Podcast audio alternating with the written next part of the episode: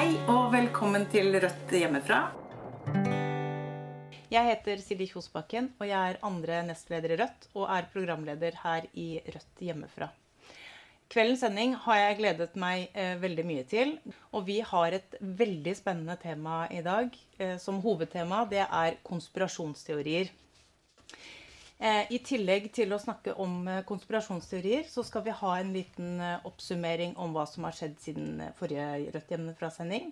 Og vi skal få besøk av Rødts vararepresentant på Stortinget og rådgiver på Stortinget, Seher Aydar, som skal fortelle oss litt om situasjonen i Nord-Syria. Så hvis vi begynner med hva som har skjedd siden sist, og der kan hende blir en liten oppramsing, for jeg er så ivrig på de tallene jeg nå skal eh, gå gjennom med dere, men vi kan jo begynne med å si at valget er over, og vi har gjort en knallvalg. Lokalvalg, altså. Vi har også fått eh, 101 316 stemmer i år mot 47 102 stemmer ved forrige lokalvalg. Det er jo helt fantastisk å glede seg over et sånt resultat. Vi har gått fra å være representert i 43 kommunestyrer til 113 kommunestyrer. Vi har fått et antall eh, representanter, hvis du inkluderer fylker og bydeler, på 237 representanter. Det er ganske mange folkevalgte, og vi har jo dobla antall siden forrige lokalvalg. Og så har jeg tre, eller fire kommuner jeg har lyst til å dra opp med dere, på tre plasser. På førsteplass så har vi Alstahaug, som fikk 17,9% eh, Andreplass er Dønna, som fikk 16,8% og på en delt tredjeplass så er det Høyanger og Kragerø på 12,5% Og det er ehm, Det var veldig god stemning da vi fikk disse tallene her, og flere måtte klype seg i armen, som vi hørte de fra Alstahaug, som ikke turte å eh, håpe på et sånt tall engang. De eh, gikk helt i taket da valgresultatet var satt. Det er kjempegøy. Og så har vi medlemstall som vi må oppdatere, som vi har gjort hver eneste hjemmefra-sending. Det er nå på 9479 medlemmer per i dag. Siden sist så åpnet Stortinget i begynnelsen av oktober. Og noen dager senere så fikk vi også lagt fram eh, regjeringas forslag til statsbudsjett. Bjørnar Moxnes måtte selvfølgelig kommentere det fra talerstolen i stortingssalen. Presidenten vil eh, påpeke at det er eh, upassende og uparlamentarisk å, å karakterisere eh, representanter eller en statsråd for eh, f.eks. Eh, Dronning. Nå er det presidenten som har ordet, men jeg vil eh, ikke ha den type karakteristikker. Det er eh, ikke slik vi omtaler hverandre i stortingssalen. Bjørnar i kjent stil der også. Nå skal vi over på hovedtemaet for kvelden. Eh, vi skal snakke litt med Ronny Kjelsberg. Velkommen hit, Ronny. Ronny er universitetslektor ved NTNU og styremedlem i Rødt Trøndelag. Vi har invitert deg hit fordi du har engasjert deg i debatt rundt konspirasjonsteorier og skrevet en del om det. Hvorfor ble du interessert i det her? Det var vel kanskje egentlig i studietida, og, og litt har det å gjøre med, med jobben min òg. Jeg har vært så heldig at jeg har fått lov å undervise litt i vitenskapsteori og vitenskapelig metode. Og bestandig vært interessert i, i hvordan verden henger sammen. da. Eh, og det her med å, å, skille sant og usant, og i hvert fall eh, mer fra mindre sannsynlig. Og da er det òg litt interessant da, å se på hva det er som gjør at enkelte bommer veldig da, i forsøk på det. Og da er konspirasjonsteorier ett eksempel på det. da. Mm. Vi skal eh, snakke litt mer om det her straks. Men først skal vi begynne med et innslag. For vi har nemlig tatt et prat med Terje Embeland. Han er seniorforsker på Holocaust-senteret. Og han har tilknytning til Senter for ekstremismeforskning. Medforfatter av boka 'Hva er konspirasjonsteorier?' Og han er en av de fremste innenfor sitt forskningsmiljø. Og han var ekspertvitne i Breivik-saken. Vår reporter August Tekerø fikk seg en eh, lang prat med Embland forrige uke. Sjekk det.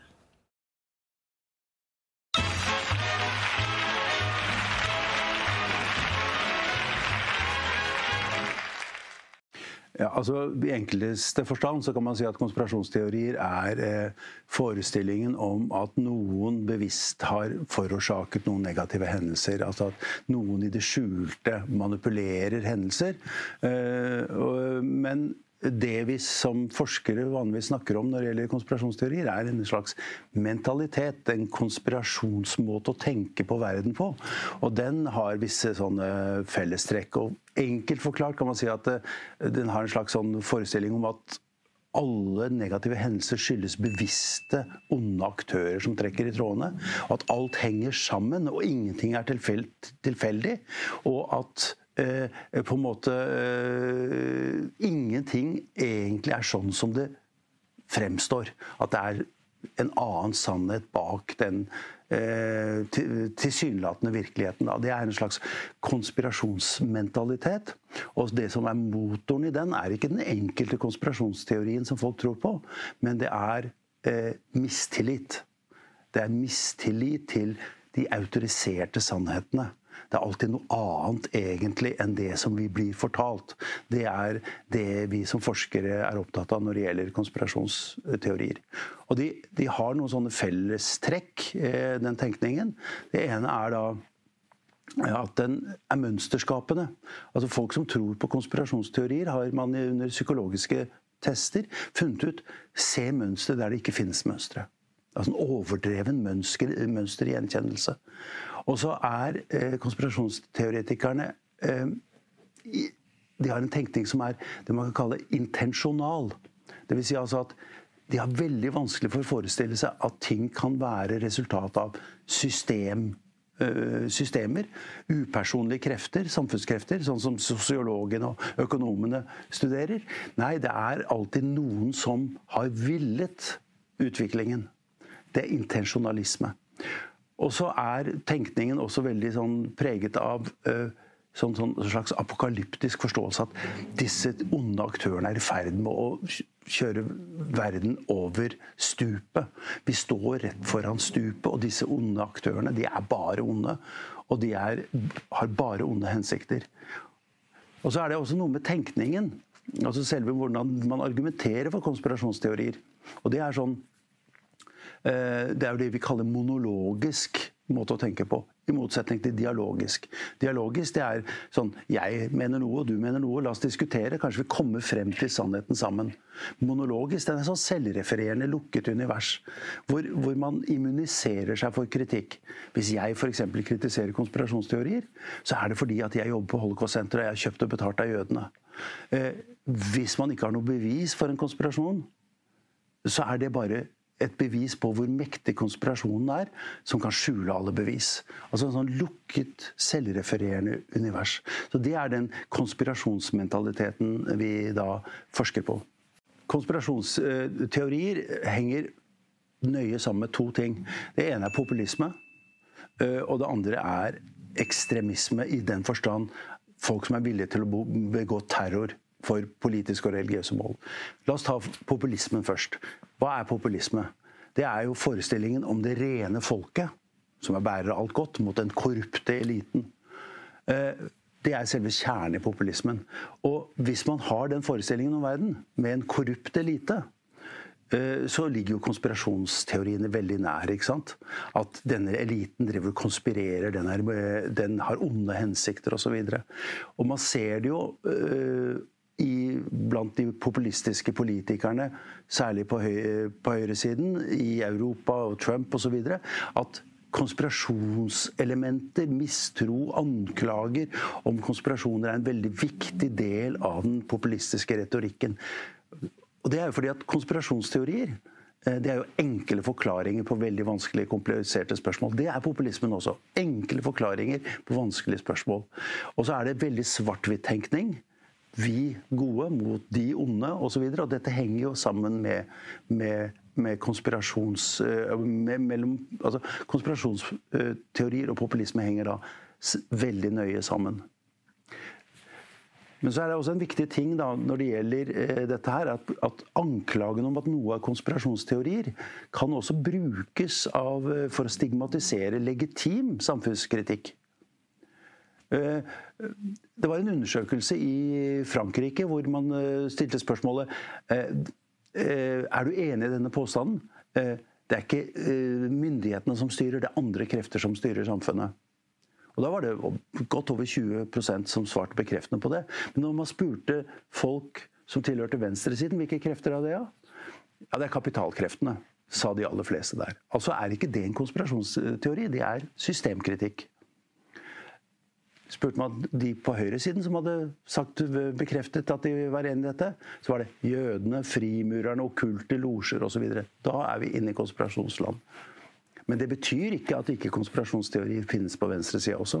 En annen ting som er problematisk med konspirasjonsteorier, er at det kan fungere som det man kaller radikaliseringsmultiplikatorer innenfor ekstreme grupper.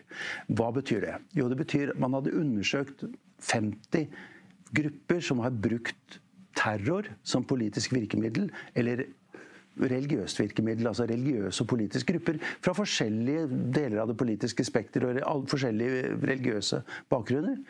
Men alle sammen hadde da brukt terror. Og man fant ut at konspirasjonsteorier var en veldig viktig del hos de aller fleste her. Nemlig forestillingen at vi sitter på den eneste sannheten. Og hvis vi har denne sannheten, hvorfor har ikke vi vunnet og våre synspunkter fått bred oppslutning? Jo, fordi det er onde krefter som er ute etter å kneble oss. Altså Den der forestillingen der henger veldig nøye sammen med, med ekstremisme. Og så er det den forestillingen som vi kaller subversjonsmyter. Nemlig at vi har en ytretruende makt. I dag er det gjerne muslimene som blir utpekt som den makten. Før var det jødene. Nå er det også jødene i mange sammenhenger. Men så har vi en gruppe skjulte konspiratører i samfunnets midte quislinger, rett og slett, som har sverget lojalitet til denne gruppen som skal okkupere landet. Og hvis man tror sånn Akkurat som under okkupasjonstiden. Vi har tyskerne, og så har vi quislinger. Hva er den legitime handling for en god nordmann, da? Hvis Norge er i ferd med å bli okkupert av en, en fremmed, fiendtlig makt ved hjelp av quislinger midt i samfunnet? Jo, det er motstandskamp. Dette er universet til Anders Behring Breivik. En av hans helter var Max Manus. Og vi har, en, vi har også den største nazigruppa i, i, Norden nå, heter jo også den nordiske motstandsbevegelsen. Så denne subversivmyten om en skjult indre fiende, den er livsfarlig. Ja, her var det mye interessant som det er verdt å snakke litt om. Eh, jeg har først lyst til å spørre deg om hva du tenker For det er jo en forskjell mellom konspirasjon og konspirasjonstenkning. Hva, har du noen tanker om det? Ja, det, det er jo litt som Embeland å si. altså Konspirasjoner foregår jo hele tida. Eh, og Vi har jo nettopp vært gjennom en valgkamp nå, og, og vi kan jo egentlig si at vi da har drevet en konspirasjon mot de andre partiene. ikke sant? Det er ikke sånn at eh, vi er helt åpne med valgkampstrategien og utspillene våre. Nei, vi holder det hemmelig og legger planer for oss sjøl, og så prøver vi å, å gå ut og og ta dem, da, ikke sant? og slå dem. Eh, samme kan man jo se i, i, forretningslivet. ikke sant? Man, man holder ting hemmelig, jobber sammen i, og prøver å slå konkurrentene. da. Mm. Og Det kan skje både med sånn åpne og, og, og ærlige midler, men det kan òg skje med, med litt sånn skitne midler, som når Volkswagen driver og jukser med utslippstallene for bilene sine. Eller XXL driver og får ansatte til å jobbe gratis. da, ikke sant?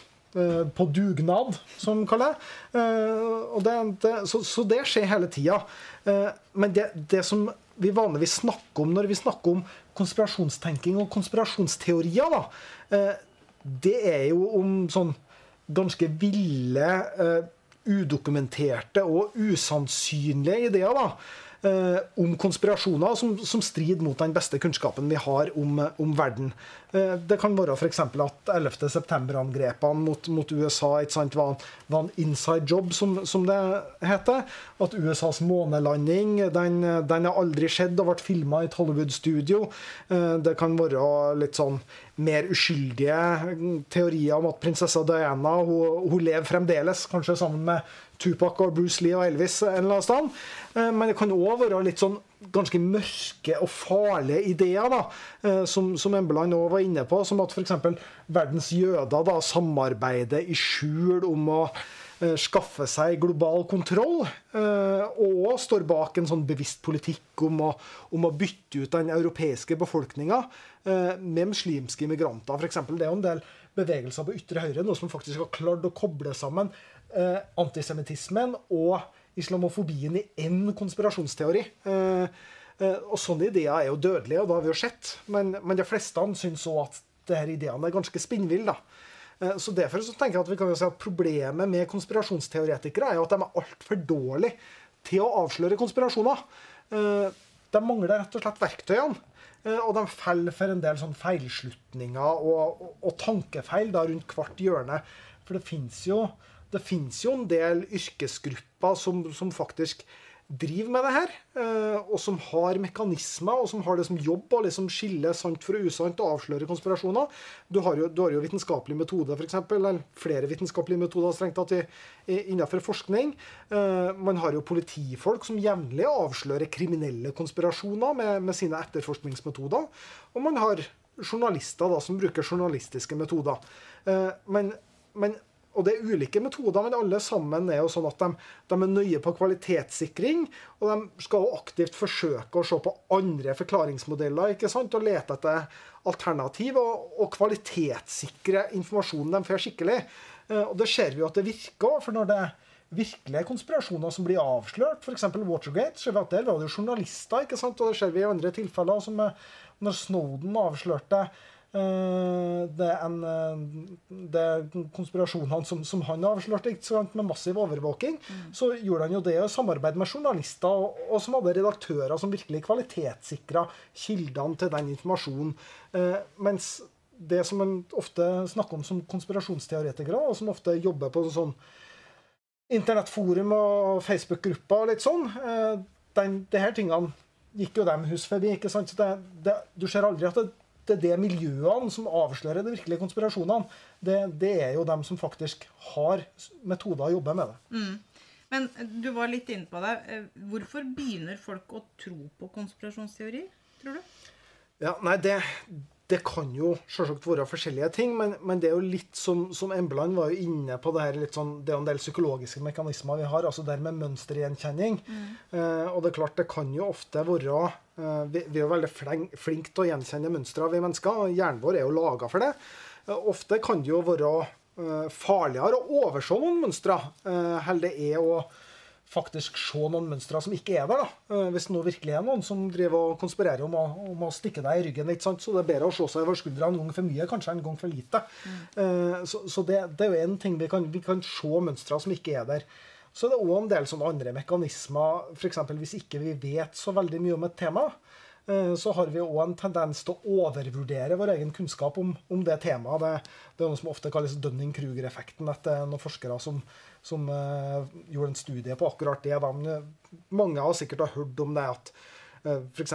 90% av alle nordmenn tror de er over gjennomsnittlig gode sjåfører. Og det, det, det fungerer jo det, det, er ikke så veldig sannsynlig at det faktisk er sånn, men, men vi tror ofte at vi er litt flinkere til ting enn vi er, og vet litt mer om ting enn vi gjør. Og da, da er ikke vi like lydhøre for motargument heller bestandig. Eh, og det vil jo òg forsterke seg eh, gjennom en del andre tendenser, f.eks. noe som ofte kalles eh, bekreftelsesskjevhet. Altså at vi har, eh, vi har jo en tendens til å, hvis vi får informasjon som støtter opp under noe vi allerede tror på, så tar vi det gjerne veldig fort til oss. Men hvis, hvis, vi får noe informasjon som strider uh, mot noe som vi tror på, så, så, leter vi ofte veldig mye lenger da, etter en eller annen grunn til at den ikke skal stemme. Mm. Så da blir vi over tid kanskje bare enda mer fastlåst i den oppfatninga som vi har skaffa oss. Og det, det, kan jo over tid gjøre at folk låser seg veldig i noen bestemte tankesett, og også inn i konspirasjonsteorier. Mm. Men um, det å liksom stemple noe for å være en konspirasjonsteori, eller noen for å være en konspirasjonsteoretiker eller tenker, um, det kan jo også være en form for hersketeknikk uh, på mange måter. Um, og, og, og, det er jo viktig å være på vakt mot det og være kritisk og sånn, men tror du det kan misbrukes noen ganger? I, for det er jo veldig mye rart som skjer rundt omkring i verden. Men det å liksom bare avfeie noe til å være en konspirasjonsteori, er det Tror du det blir misbrukt noen gang? Ja, Det er det åpenbart. Altså, jeg tenker at det, det, er jo med konspirasjonsteorier som det er med alle andre begrep som har noen negative konnotasjoner med seg. da. Mm. Altså, Folk vil misbruke det. Og, og, og, du vil jo, hvis du går rundt på internett, se folk som kaller alt de er uenig i, for konspirasjonsteorier av en lav sko. Uh, noe interessant er jo ofte at sånn konspirasjonsteoretikere òg gjerne benytter seg av det samme. F.eks. de som mener at USA sjøl sto bak angrepene 11.9. De har jo en tendens til å kalle alle som er uenige med dem, for konspirasjonsteoretikere. Og også trodde på den offisielle konspirasjonsteorien. Mm. Eh, så, så, så det, det, er ganske vanlig fra, fra alle kanter. Eh, men det er faktisk gjort en undersøkelse på det her òg, eh, og der man undersøkte på folk om om det at en ting ble kalt en konspirasjonsteori, da, eh, gjorde noe med sannsynligheten for at de trodde på den.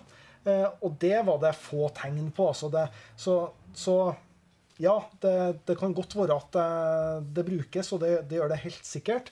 Eh, men det er lite som tyder på at den type hersketeknikker er veldig effektiv da, hvis, hvis, poenget er å få folk til å slutte å tro på noe. Mm. Så det kan man jo trøste seg med da, i, i så fall. Mm. Men hvordan eh, mener du man kan skille eh, sunn kritisk tenkning fra konspirasjonstenkning? Ja, det, Da må vi gå litt tilbake på det, det metodene som, som vi snakka om. Altså det med, eh, og kanskje det som er litt sånn skille mellom, mellom ja, vitenskap og det man ofte kaller pseudovitenskap mer generelt. Altså ting som gir seg ut for å være vitenskapelig, men, men ikke egentlig er det innenfor en uh, sunn kritisk tenking, da, uh, hvis man har en hypotese, noen ting som man lurer på om er sant, mm. så vil man alltid lete etter ting som òg kan motbevise det. ikke sant? Andre mulige forklaringer er det noen enklere forklaringer på det her. Uh, mens innenfor en konspirasjonstenkning så vil man stort sett alltid bare lete etter ting som bekrefter det man allerede tror på. Så det er nok, det er nok den viktigste forskjellen altså, i metoden her. Mm. Vi skal eh, fortsette å snakke eh, litt til straks. Eh, men nå skal vi se del to av videoen August Tekerø har gjort med Terje Embeland. Konspirasjonsteorier kan finnes over hele det politiske spekteret. Men de trives jo ofte i ytterkantene, kan vi si. Og særlig på høyresiden. Særlig på høyresiden. Men det betyr ikke at venstresiden er immune overfor dette også. Og det skyldes en tankefeil, vil jeg si. Når man da ikke eh, forstår at samfunnsutviklingen er styrt av upersonlige krefter, men identifiserer dem som onde aktører. På venstresida har man en tendens til å fremstille kapitalkreftene som stygge menn i flosshatt som trekker i tråder. Og når man er litt for slapp i tenkningen, så, tro, så, begynner man jo å tro at det er faktisk intensjonale, det er aktører disse stygge folkene eksisterer. Det er en slags slapp tenkning på venstresiden, som gjerne trives også på den autoritære venstresiden. Ehm, og så er det noe med at vi Altså hvis man er kritisk til maktas fortellinger, som venstresiden er, så har man en tendens til å tro at all alle fortellinger som makta er imot, er bra. Altså Det betyr at man begynner å, å liksom interessere seg for andre teorier som også er såkalt undertrykt kunnskap. Vi står for noe som makta ikke liker. Derimot de andre som står for noe som makta forkaster, også være bra. Og Det betyr at man begynner å, å liksom interessere seg for alt mulig rart innenfor et sånt uh, alternativt univers. Uh, og der kan det bære skikkelig dårlig av sted uh, med tenkningen. og vi vet jo at venstresiden har vært altså Konspirasjonsteorier har forårsaket store katastrofer. Tenk på Stalins utrenskninger. er styrt av en konspirasjonsteori. Men også i dag, eh, i moderne tid, så er det jo venstrepopulister som griper til konspirasjonsforestillinger. Eh, man tenker at denne, de slemme globalistene, monopolkapitalistene osv. Eh, er noen sånne trådtrekkere som sitter og har onde intensjoner. Og for en del så har man jo identifisert dette som Soros. Og Soros er jo jøde, og her kommer hele den klassiske antisemittiske repertoaret inn. I, i denne kampanjen mot Soros. Og det er ikke bare på høyresiden den foregår. Dessverre. Det de gjør ved, ved å, å, bruke konspirasjonsteorier, er å lage en slags beleiringsmentalitet for å få oppslutning om eget politisk program. Og dette er livsfarlig, selvfølgelig. Og det kan forårsake massive forfølgelser av annerledes tenkende. Et annet problem med konspirasjonsteorier og venstresida, det er jo at på venstresida har man en tendens til å tenke, ha en sånn tankemessig refleks som at alt ondskap kommer fra USA. Det vil si at en god Altså en del eh, folk på venstresida har ikke kunnet akseptere at ikke eh, 9-11 var et terroristanslag, men var en inside job. Vi har en tidligere leder i SV som mener Berit Aas mener at Twin Towers-angrepet var et filmtriks. Det er altså en Man har eh, malt seg inn i et tankemessig hjørne hvor man ikke klarer å ha et rasjonelt virkelighetsbilde, men hvor all ondskap skal adresseres til USA. Eh, konspirasjonsteorier appellerer til en del mennesker eh, fordi det gir enkle forklaringer på vanskelige spørsmål. Verden kan synes kaotisk, uoversiktlig og utrygg for svært mange, og med god grunn. Folk kan føle seg maktesløse, med god grunn også. Og så griper man til konspirasjonsteori, for da får man en syndebukk, noe man kan gi skylda for eh, situasjonen. Gi skylda for avmaktsfølelsen. Eh, så det gir en slags eh, trygghet, på en måte, en følelse av en viss kontroll, når man ikke føler at man har kontroll. Det er en av de viktigste appellene som konspirasjonsteorier har.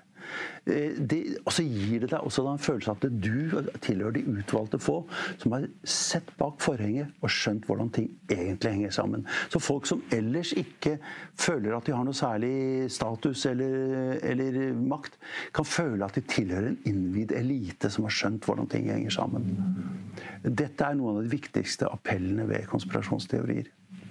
Og da er det viktig å si og forstå at den avmaktsfølelsen, den må vi ta på alvor. Hva er det som skal bekjempe konspirasjonsteorier?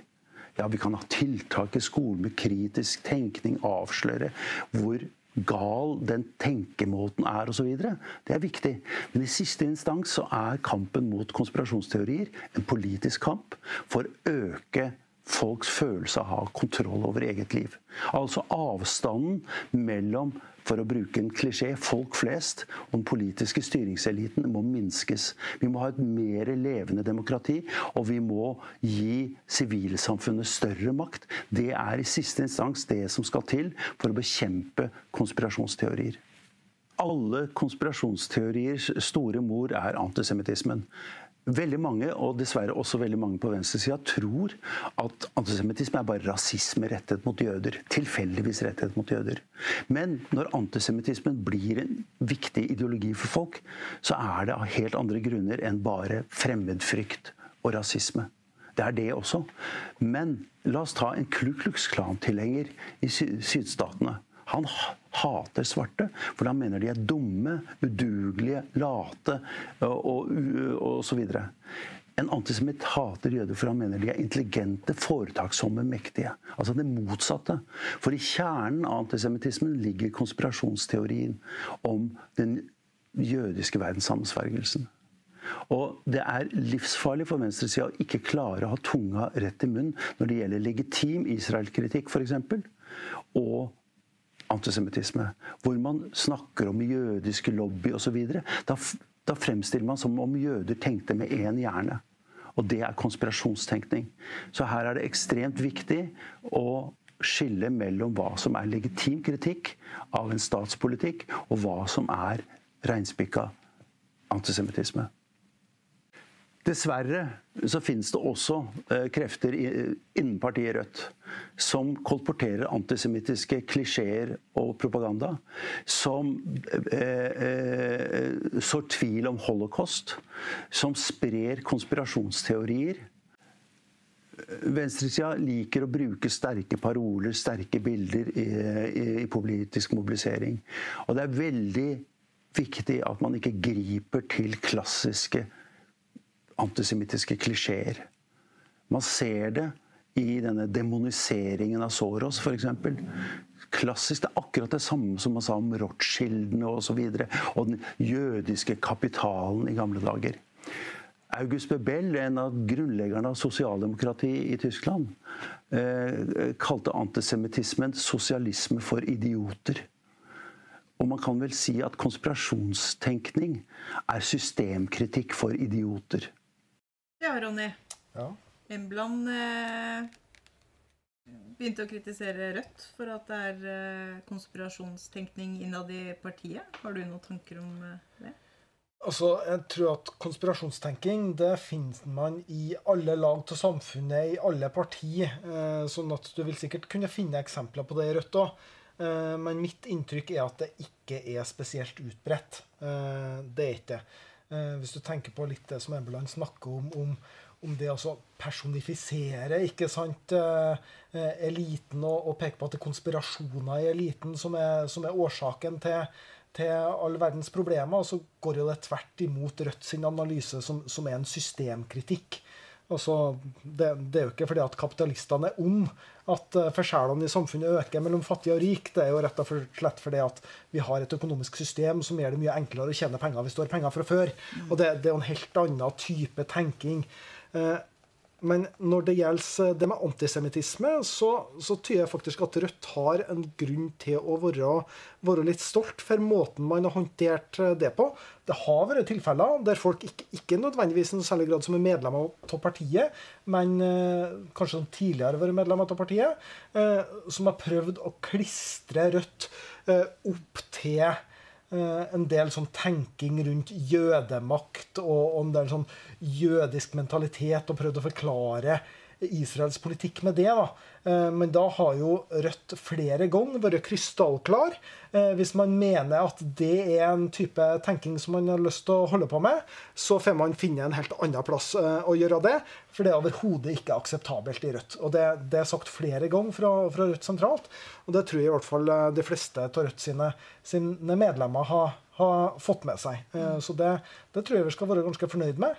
Eh, og det, det gjelder ikke bare Rødt heller, det gjelder òg andre organisasjoner på venstresida, og, og i og for seg også solidaritetsbevegelsen med palestinerne. da, altså den type tenking har heller ikke fått noe rom innenfor f.eks. Palestinakomiteen. Og i dag så finner man det stort sett på noen lukka Facebook-grupper og noen internettforum og sånn. og det, det, det, det, slår ikke gjennom og får ikke noe plass inn i organisasjonene på venstresida. Det, det er jo veldig bra. Mm.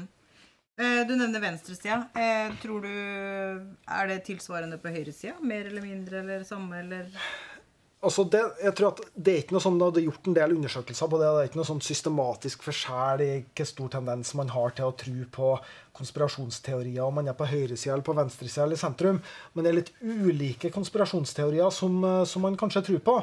Og i hvert fall sånn som verdenssituasjonen har utvikla seg i det siste, så tror nok jeg at høyresida har et større problem med konspirasjonstenking enn venstresida. Det handler om flere ting. Det handler om at vi ser en klimakatastrofe, noe som gjør at det blir stadig mer problematisk å opprettholde litt sånn veldig liberalistiske økonomiske ideer da, om fri flyt og uregulert kapitalisme, som gjør at mange bare velger å, fornekte eh, klimaproblematikken fullstendig. Men da må man jo ofte lage seg en konspirasjonsteori om hvorfor, hvorfor sier alle forskerne det her, da? Hvorfor er alle enige om det her? Ja, nei, da det er forskerne som bare eh, lyver for å få forskningsmidler, og politikere som bare finner opp det her ikke sant, for å, for å ha en unnskyldning til å skattlegge folk. altså Den type ideer. Det, det har fått en grobunn på deler av høyresida. Mm. Eh, tilsvarende så har det jo eh, den innvandringskritiske høyresida, for å si det sånn, som i en viss grad har drevet og lulla seg inn i en del sånn konspirasjonstenking rundt, rundt immigrasjon, som jeg var innom litt tidligere òg. Vi har jo i Norge òg en, en, statsfinansiert blogg som driver og kolporterer den type konspirasjonstenking. Og det, det er jo ganske alvorlig. Altså mm. Regjeringa driver og finansierer konspirasjonstenking, og det, det hadde vi ikke sett fra en regjering på venstresida. Eh, apropos det her med blogg, tror du at eh, sosiale medier bidrar til å spre konspirasjonsteorier? Eller eh, at det er lettere å på en måte få, få starta en konspirasjonsteori og få tilhengere på det?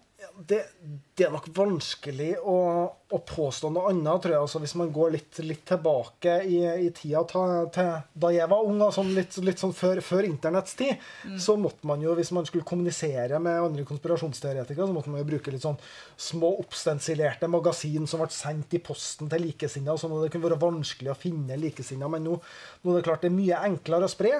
Og det har gjort noen sånne studier på, på det her som viser at faktisk konspirasjonsnyheter da, sprer seg fortere enn f.eks. forskningsnyheter. Det, det har jo litt med å gjøre, som vi var inne på tidligere, at det er konspirasjonstenkinga det, det kobler seg opp til en del sånn psykologiske tendenser som vi mennesker har, og, og trigger oss da gjør at vi ja, liker å dele, som det heter. da. På, eh, og får spredd det veldig, veldig fort. og det men det er ikke bare sosiale medier, det er òg internett generelt. Det har jo poppa opp en hel haug med sånn ulike nettsider.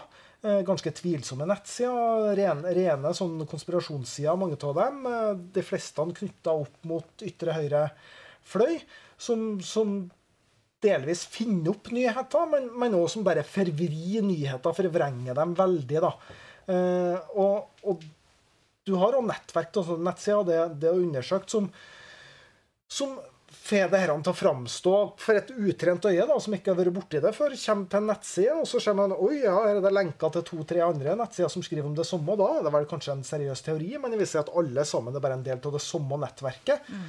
Eh, som bare har henta nyheten fra en eller annen konspirasjonsside som bare har funnet opp det. da. Men hvordan kan man liksom finne sannheten Når det er sånne nettverk med, med, som linker til hverandre eh, og sånne ting, så eh, hvor er det man kan finne gode kritiske gjennomganger hvis man havner i en diskusjon om en konspirasjonsteori eller Ja, det, det kommer jo veldig an på hva for noen konspirasjonsteori det er snakk om. Eh, det viktigste her er jo kildekritikk. Ja. Eh, hele veien. eh, og liksom undersøke den nettsida du har funnet det her på. Er det her en seriøs kilde? Du kan se litt om hva, hva skriver de hvis det er noen felt du faktisk har litt kunnskap om. Hva skriver de på, på det feltene? Er det, er det fullt av klimafornektelse, f.eks.? Er det sånn antivaksinesaker der? altså den, den type ting. Da, da er ikke kvalitetssikringa veldig god. Så er det jo enkelte som sier at eh, jo, det, men, men eh, om en tekst, en tekst er jo like rett eller feil uansett hvilken nettside den står på. Eh, og det er jo i seg sjøl så er det sant, men det vil man jo bare kunne vurdere hvis man allerede er liksom litt ekspert på det feltet og kan vurdere, uh, vurdere en, en sak på, på sine egne bein. Men hvis du faktisk skal lære deg noe nytt, så er du avhengig av å kunne stole på den kilden du får den nyheten fra. Og da må du vurdere den eh, kritisk. mm, Ikke sant? Em, det var um, Embland eh, var jo ikke bare liksom direkte på, på Rødt med at det fantes eh, konspirasjonstenkning innad i partiet, men han sa også det at populisme og eh, konspirasjonstenking ofte hører sammen. Eh, og Rødt er jo et parti som ofte har blitt beskyldt for å være populistiske. Hva tenker du om det? Jeg tror det kommer veldig an på hva for noe definisjon av populisme du legger til grunn. da, For det, det er jo ingen entydig definisjon av populismebegrepet som alle er enige om. Eh, Det oppsto jo først sånn på amerikansk venstreside på slutten av 1800-tallet, hvis jeg ikke kommer feil. Da var det jo en veldig progressiv bevegelse. I Norge så hadde det jo en sånn økopopulistisk bevegelse på 70-tallet. Men det er klart ingen av de bevegelsene har noe spesielt mye til felles med de høyrepopulistiske bevegelsene du ser på i dag. da. Så klart, Hvis du legger en sånn definisjon som, eh, som Embeland hørtes ut som han la til grunn, da, om at det, det er en sånn idé om et, et sånt enhetlig folk som mer eller mindre er enige om alt og er sånn rent og pent og, og sånn, eh, og en sånn korrupt elite som driver og konspirerer mot det folket, det er klart, da, da ligger det en konspirasjonstenking eh, i det i utgangspunktet. Hvis, men klart, hvis man, hvis man som Rødt har en systemkritikk da, sier at det, det er ikke pga. at elitene konspirerer, det, det er fordi at det er et økonomisk system som skaper forskjeller, og som skaper eliter. Så det er det som ligger, eh, ligger til grunn. Så klart, da, da har du ikke en konspirasjonstenking der. Nei. Det er jo veldig viktig poeng å ta med seg. Eh, Jeg har eh, Det, er, det fins jo mange forskjellige grader eh, av alvorlighet holdt jeg på å si, i eh, ulike konspirasjonsteorier. Vi snakket litt sammen før sendinga, og da nevnte du det her med eh, en rettssak som hadde vært i USA. jeg Har lyst til å fortelle litt om den? eh? Ja, det, det, kom en dom i dag. Det var en nyhetssak i dag. Det er kanskje noen som har fått det med seg. Eh, dere kommer kanskje i til den Sandy Hook-massakren i USA, da mange unger ble drept av mm. en sånn eh, skole, skoleskyting. Uh, I dag så var det faren til en av de ungene. Han vant en rettssak mot en som da hadde skrevet ei bok der han påsto at den massakren aldri hadde skjedd. da. At Det bare var noe som myndighetene hadde funnet opp for å, for å sant, få ilagt strengere våpenlov og den type ting. Eh, den faren hadde jo eh, i etterkant av at det her konspirasjonsteoriene eh, begynte å bli spredt, mottatt både trusler og, og, masse hets. Folk påstår jo at uh, han prøvde å, imøtegå det. Han prøvde prøvd å gå i en dialog med dem. og, Han delte bl.a. dødsattesten til sønnen sin, og han ble påstått at den var forfalska. Mm. Uh, og, og han, han, fikk seg en skikkelig psykisk trøkk av uh, det her. Og det er klart, Først, først så har du liksom mista ungen din, som er noe av det og så skal du bli plaga med, med, hets og trusler av en hel haug med konspirasjonsteoretikere. Og i tillegg, det er klart at eh, Mange tenker kanskje at litt sånn konspirasjonsserier det er litt sånn, man kan ha det litt sånn moro med og, og le litt av. Men, men, for veldig mange så får jo det her veldig alvorlige eh, konsekvenser. Mm. Gjør det. Ja, og så når det, når det, rammer sånn, så begynner man å lure på hva i all verden motivet bak det å begynne å, å liksom tenke at det er eh, Eller tenke på den måten, da. Um, for det rammer kanskje ikke nødvendigvis den du i utgangspunktet ville skulle rammes. Så jeg liksom, eh, Noen ganger så ser jeg ikke helt logikken i, eh, i konspirasjonsteorier. Men har du eksempler på andre konspirasjonsteorier som er Sånn bortsett fra 9-11 og eh, noen av de store vi har vært innom i dag? Nei, du har jo Vi har jo nevnt flere, og du har jo dem som er litt mer uskyldige, som vi snakka om. ikke sant, At um, prinsesse Diana fortsatt lever, og en del sånn. Mm. Uh, så, så, har du jo sånn andre uh, om uh, Osama bin Laden. altså Alle, alle sånne store sånne internasjonale hendelser blir det jo gjerne konspirasjonsteorier om. Det, rundt det, det er dem som mener at Osama bin Laden var død lenge før amerikanske spesialstyrker storma. Og det er dem som mener at han lever fremdeles. Og Det interessante, det er gjort litt sånn studier på det her, at hvis du tror at Osama bin Laden var død allerede før amerikanerne kom, uh, så er sannsynligheten større for at du tror at han fortsatt er i live. Mm. Eller hvis du tror på den offisielle teorien. da, Det, det, det peker jo litt på det som Embeland snakker om. at det, det, viktigste når du er fanga av den type konspirasjonstenking, er jo at eh, det er den offisielle historien. Eh, den er ikke sann. Men du er åpen for det aller meste annet, sjøl om det er sjølmotsigende. Mm, ja. Eh, og jeg vi må snart runde av her, selv om jeg, du er kanskje trøtt etter å ha vært oppe lenge, lenge, lenge i dag. Oppe klokka fem i morges. Ja. Men jeg har på en måte lyst til å runde litt av med noe som Embland nevnte, som kunne virke forebyggende. Og det er det her med at vi må få eh, mer eh, sånn eh, kildekritikk inn i skolen. Lære, lære, barn og ungdom og voksne om det. Men også det her som vi jobber mye med. Det her med åpenhet, mer demokrati, mm. mindre avstand mellom vanlige folk og eh, eliten. Mm. Eh, eller makthaverne, politikerne.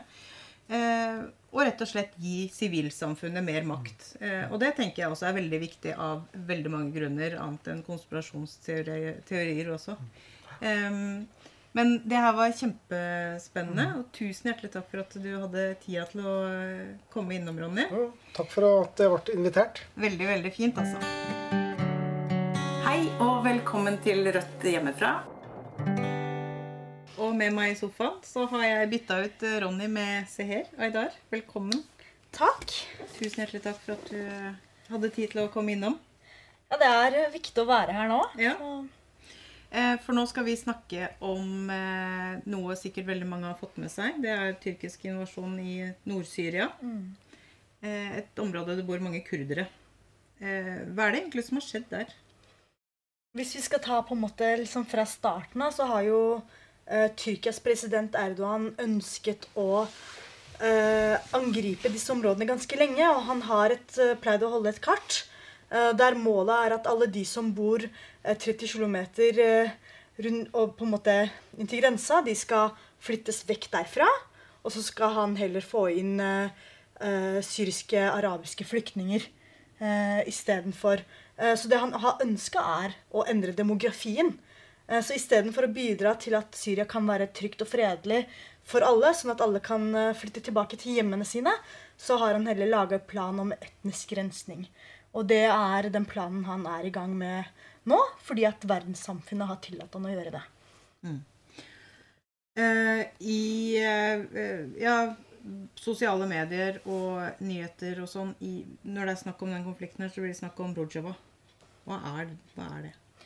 Ja, Rojava betyr egentlig vest på kurdisk. Uh, så det er på en måte Vest-Kurdistan. Det er det kurdiske navnet. Og så har man begynt å bruke begrepet Nord-Syria mer etter hvert, fordi at det bor eh, asyrere, armenere, eh, arabere, mange ulike folkegrupper der. Og de har sammen laga en eh, demokratisk eh, selvstyreadministrasjon som eh, bygger på prinsippene om folkestyre, et slags direktedemokrati. Eh, de, kvinnefrigjøringen har vært en viktig del av det. så de Kvinner er organisert autonomt gjennom hele måte, systemet. Mm. Eh, og eh, de er også opptatt av mangfoldet i det. fordi at veldig mye og veldig mange konflikter i Midtøsten eh, bærer preg av at det skal være Ikke at det nødvendigvis alltid er det, men at det skal være religiøse eller etniske skillelinjer. Mens her er både muslimer og arabere eh, og muslimer og kristne, arabere, eh, kurdere eh, turkmenere osv. bodd sammen mm. eh, i sameksistens. Og det er også en viktig del av det. Så her har vi eh, et område som har forsøkt å skape et system eh, som er et alternativ til det militariserte, kapitalistiske, imperialistiske samfunnsordenen som har vært der. da.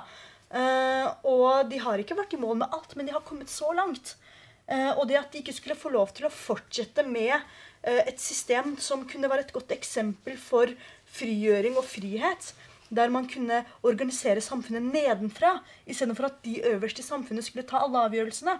Det er det de ødelegger nå. Mm. I tillegg til alle de sivile lidelsene som blir skapt der. Mm. Så Rojava det er et område, mm. og det er et område som jeg skulle ønske vi kunne eh, at, Jeg skulle ønske at de kunne få drive dette her i fredstid.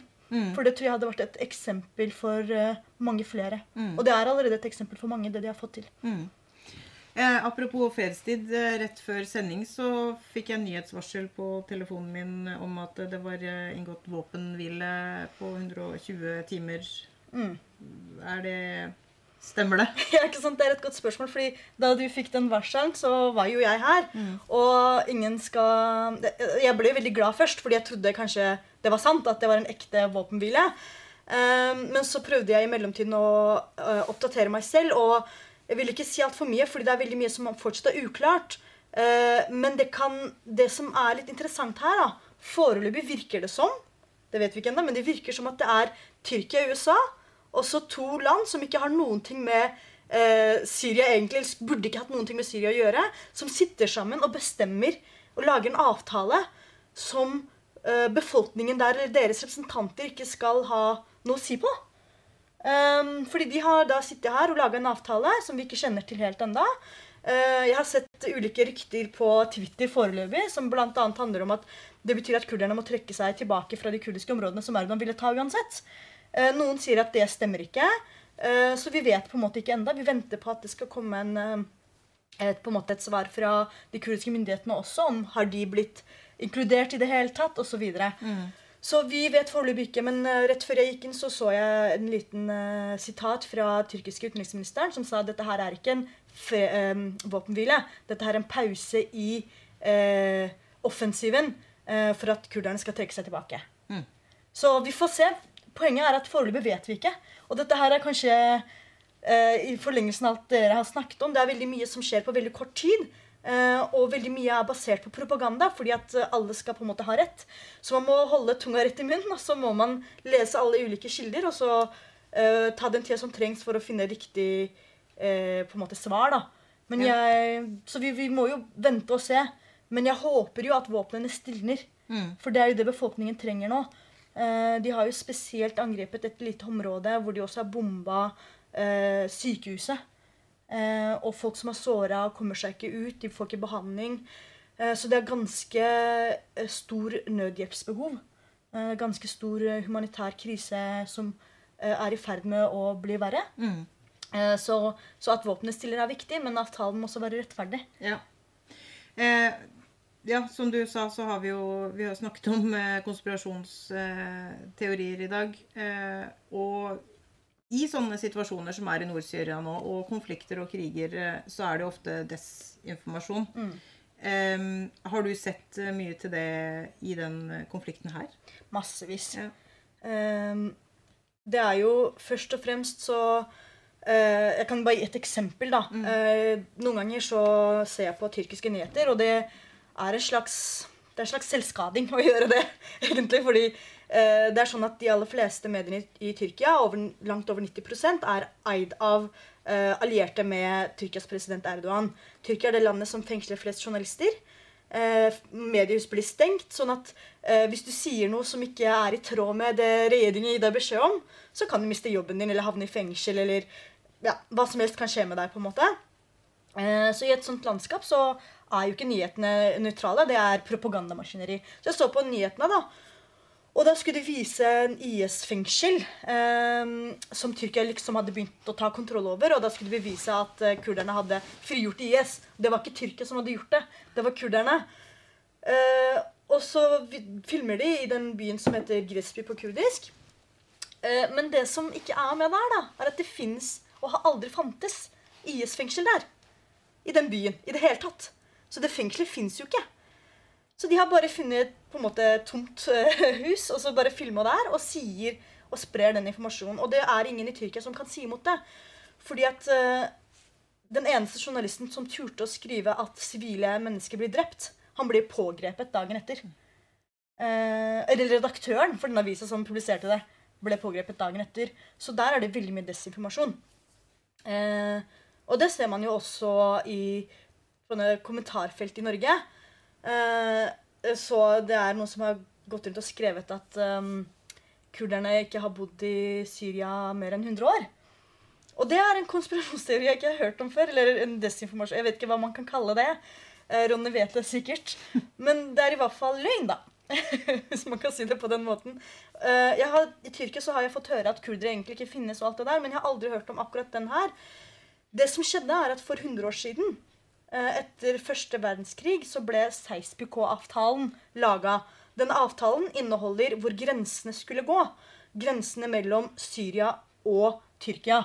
Eh, Det som skjedde, var ikke at kurderne flytta til Syria. Det som skjedde, var at det ble laga en grense mellom kurdiske byer og landsbyer. Sånn at halvparten ble boende på tyrkisk side, halvparten på syrisk side.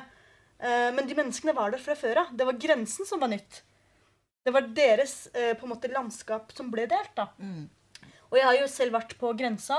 Eh, når man står på Sabin-siden, altså den eh, tyrkiske siden av grensen, så ser man jo husene på Kamysle-siden, eh, som er den syriske siden. Man ser det når de står der. Eh, det eneste som har skjedd, er at de har putta piggtråd og, eh, og miner der. Eh, men de menneskene som bor på hver side av grensen, de er jo i familie. De har alltid vært der. Det er grensene som er de nye. så og det vet jeg jo fra på en måte min egen historie også. Jeg er kurder sjøl. Jeg veit akkurat hvor vi er fra. Uh, og det har ikke vært bestridd av på en måte folk som kjenner til Midtøsten heller. Så det er uh, veldig merkelig på en måte informasjon som plutselig nordmenn i Norge har begynt å spre. Og det er litt interessant. Men ja. Så oppfordringen til eh, alle oss som ikke har den inngående kunnskapen eh, du har på området, og også til andre konflikter eller uenigheter eller eh, eh, ting som spres, særlig i sosiale medier, det er å være bevisst på hvem avsenderen er. eh, og gjerne sjekke opp litt, for vi har jo sett eksempler hvor eh, video fra en krigssone blir eh, lagt frem som eh, fra en annen krigssone. At man på en måte ser godt på hvem avsenderen av, av videoen eller propagandaen eller artikkelen eller sånne ting er. Hvis jeg kan bare få lov til å skyte inn en ting til på det. fordi at uh, det vi snakker om nå, altså det området som nå blir angrepet, er jo uh, Det her er på en måte de samme menneskene som nedkjempet IS. Eh, første stedet IS ble stoppet i Syria, det var i Kobane. Som også på en måte ble angrepet av den tyrkiske staten, som ligger nær grensen. Uh, Kurderne mista 11 000 mennesker i kampen mot IS. Eh, og det er nå de som blir angrepet. Og uh, når det er sånn at det finnes noen som har ofret så mye i kampen, og som faktisk har klart å nedkjempe IS. uh, og hvis det kommer et Nato-land som vil angripe dem, så er de helt avhengige av et sterkt propagandamaskineri. Mm. Uh, fordi at folks sympati på et helt naturlig eh, nivå ligger hos de, hos kurderne. Eh, og det vet Tyrkia, så nå prøver de alt de kan eh, for å på en måte endre det bildet av kurderne. Men jeg tror at uh, folk flest, og det viser også det engasjementet som har vært i Norge og andre land, skjønner det. At uh, hvis Tyrkia får fortsette, så er resultatet at det er IS og Assad som får styrke seg. Mm. Um, jeg må bare spørre, for apropos Assad. Jeg hørte rykter et eller annet om avtale med Ja. Uh, det som skjedde, var at når, du må se for deg når du blir truet med etnisk rensning og den som står imot deg, er eh, et av Natos sterkeste militære makt. Eh, og eh, vi veit jo hva Tyrkia er i stand til å gjøre. fordi at For over et år siden så angrep de Afrin, som ligger nordvest i Syria.